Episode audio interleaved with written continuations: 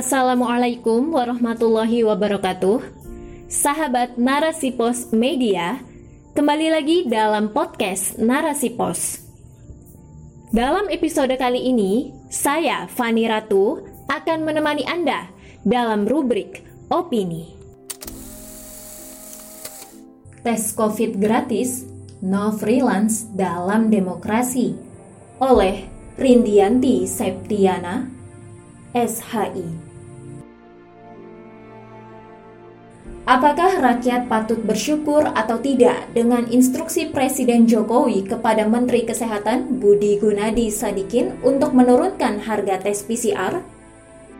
Sebab sebelumnya media nasional masif memberitakan harga PCR di Indonesia lebih mahal dibandingkan dengan beberapa negara lain.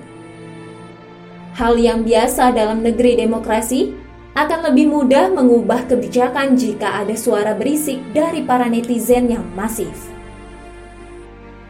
Jokowi pun meminta Menkes menurunkan harga tes PCR pada kisaran harga Rp450.000 hingga Rp550.000.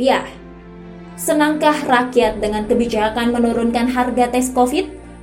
Ternyata perubahan harga tes COVID tak memberi dampak positif yang signifikan di tengah masyarakat karena pada kenyataannya masih banyak lembaga kesehatan yang melakukan tes COVID dengan harga di atas Rp900.000, melebihi tarif batas yang ditetapkan pemerintah. Sementara itu, Chandra Yoga, mantan Direktur WHO Asia Tenggara, menilai pemerintah jangan buru-buru menetapkan tarif batas tertinggi tes PCR. Harus dilihat terlebih dahulu berapa ongkos pajaknya, berapa modal, dan besaran keuntungannya. Beginilah cara berpikir kapitalis dalam menentukan kebijakan. Harus dilihat dulu untung dan ruginya. Bukan memastikan apakah kebijakan tersebut memudahkan atau menyulitkan rakyatnya. Sepertinya penguasa dalam demokrasi sedang memainkan perasaan rakyat dengan mencoba menurunkan harga tes COVID di tengah pandemi menurunkan harga bukanlah solusi untuk memudahkan rakyat memastikan kondisi kesehatan mereka. Seharusnya menggratiskannya sebab telah menjadi tanggung jawab penuh bagi negara menjamin kesehatan rakyat. Absennya penguasa demokrasi saat pandemi. Bukti hadirnya pemerintah dalam menyolusi pandemi salah satunya lewat penjaminan secara menyeluruh fasilitas kesehatan seperti yang disampaikan oleh Trubus Rahardiansyah, seorang pengamat kebijakan publik dari Universitas Trisakti, harusnya digratiskan, semua biaya ditanggung pemerintah, dilansir dari tirto.id. Hal ini sejalan dengan Undang-Undang Nomor 6 Tahun 2018 tentang kekarantinaan kesehatan dan Undang-Undang Kesehatan. Tapi mengapa justru masalah biaya tes COVID dan kesehatan lainnya tetap ditanggung rakyat saat pandemi? Sebab penguasanya berusaha menutup mata. Bagi mereka menurunkan harga tes COVID dianggap bentuk kepedulian tertinggi pada rakyat. Padahal ini menjadi salah satu gambaran jelas bagi rakyat absennya penguasa demokrasi saat pandemi. Anehnya, Penguasa masih bisa bicara di depan publik mengatakan mereka menambah utang lagi demi membantu rakyat yang kesulitan saat pandemi. Sementara subsidi dan alokasi keuangan negara tidak dianggarkan untuk menggratiskan biaya tes COVID. Satria Aji Imawan, pengamat kebijakan publik dari Universitas Gajah Mada, menyarankan pemerintah untuk menganggarkan dana lewat Kementerian Kesehatan untuk menggratiskan biaya tes COVID. Tapi rakyat telah biasa menelan pahit dan getirnya hidup dalam kepemimpinan demokrasi. Hingga slogan no free lunch dalam demokrasi cukup dipahami oleh rakyat. Tak ada makan siang gratis dalam sistem demokrasi kapitalis. Kalau mau gratisan katanya tidak di sini, maka kerja, kerja, kerja cari uang, jangan maunya dikasih gratisan terus. Akhirnya rakyat manja dan tak mandiri. Pandai sekali para penggawa negara berucap hingga tak ada celah untuk menyalahkan semua kebijakan mereka. bisa gratis tapi merugi. Sebenarnya siapa yang diuntungkan dengan mahalnya harga tes COVID di negeri ini? Pemerintah, rumah sakit, atau pengusaha yang bekerja sama dengan oknum pejabat untuk meraup untung lewat tes COVID? Jika peran pemerintah tidak lemah menyolusi pandemi, tentu menggratiskan tes bukan hal yang sulit. Tapi lagi-lagi, di kepala para pejabat negara ialah tidak mau merugi dengan menggratiskan sesuatu. Kesempatan emas di saat pandemi mendulang keuntungan.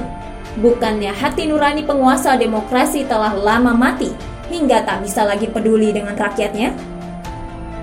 Dibuktikan dengan berbagai kebijakan yang diputuskan selama berkuasa, tak ada satupun yang menyejahterakan.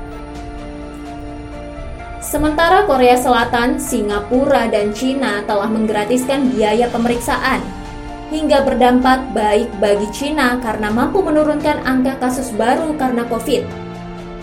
Pemerintah Cina sendiri menganggarkan 110 miliar yuan untuk perawatan bagi staf dan perlengkapan medis. Menurut pengakuan Profesor Dick, Jackie Club College of Veterinary Medicine and Life Sciences, Menggratiskan biaya tes merupakan salah satu faktor Cina berhasil menekan angka penderita corona. Maka dapat kita ketahui bahwa menggratiskan biaya tes bisa dilakukan oleh negara. Tapi bagi mereka hal ini justru akan merugikan karena akan banyak uang yang harus digelontorkan. Bagaimana mereka bisa menikmati hidup berlimpah uang kalau bukan saat mereka sedang berkuasa? Mau kesehatan gratis? Khilafah saja. Dalam Islam, khalifah menjalankan hukum Allah dan bertanggung jawab kepada Allah atas kepemimpinannya. Selama khalifah berkuasa, maka tak ada alasan untuk tidak memenuhi segala kebutuhan rakyatnya, termasuk kesehatan. Apalagi kesehatan merupakan salah satu kebutuhan rakyat yang vital. Mencari keuntungan di tengah kesulitan rakyat mengakses kesehatan bukanlah sikap yang dimiliki para pejabat dalam khilafah. Sebagaimana yang disampaikan Umar saat dibaiat sebagai khalifah. Ia menangis dengan beratnya beban yang harus dipikul mempertanggungjawabkan kepemimpinannya di hadapan Allah. Umar menuliskan surat kepada para pejabat di bawahnya. Dengan segala yang diujikan ini, Aku sangat takut akan datangnya penghisapan yang sulit dan pertanyaan yang susah, kecuali apa yang dimaafkan Allah Subhanahu wa Ta'ala. Syekh Muhammad Khudari Jika umat telah jengah dan menderita dengan berbagai kebijakan dalam demokrasi kapitalis, sebaiknya mengganti sistem ini beralih pada sistem Islam. Abdul Karim Newell pernah mengatakan bahwa kelemahan mendasar dari demokrasi sekuler adalah tidak adanya ketakutan dari pemimpin kepada Tuhannya atau pertanggungjawaban di akhirat nanti. Hal ini membuka peluang besar bagi pemimpin terjerumus dalam sikap tiran. Mau kesehatan gratis? Ya khilafah aja. Dalam khilafah, fasilitas kesehatan telah dijamin oleh khalifah.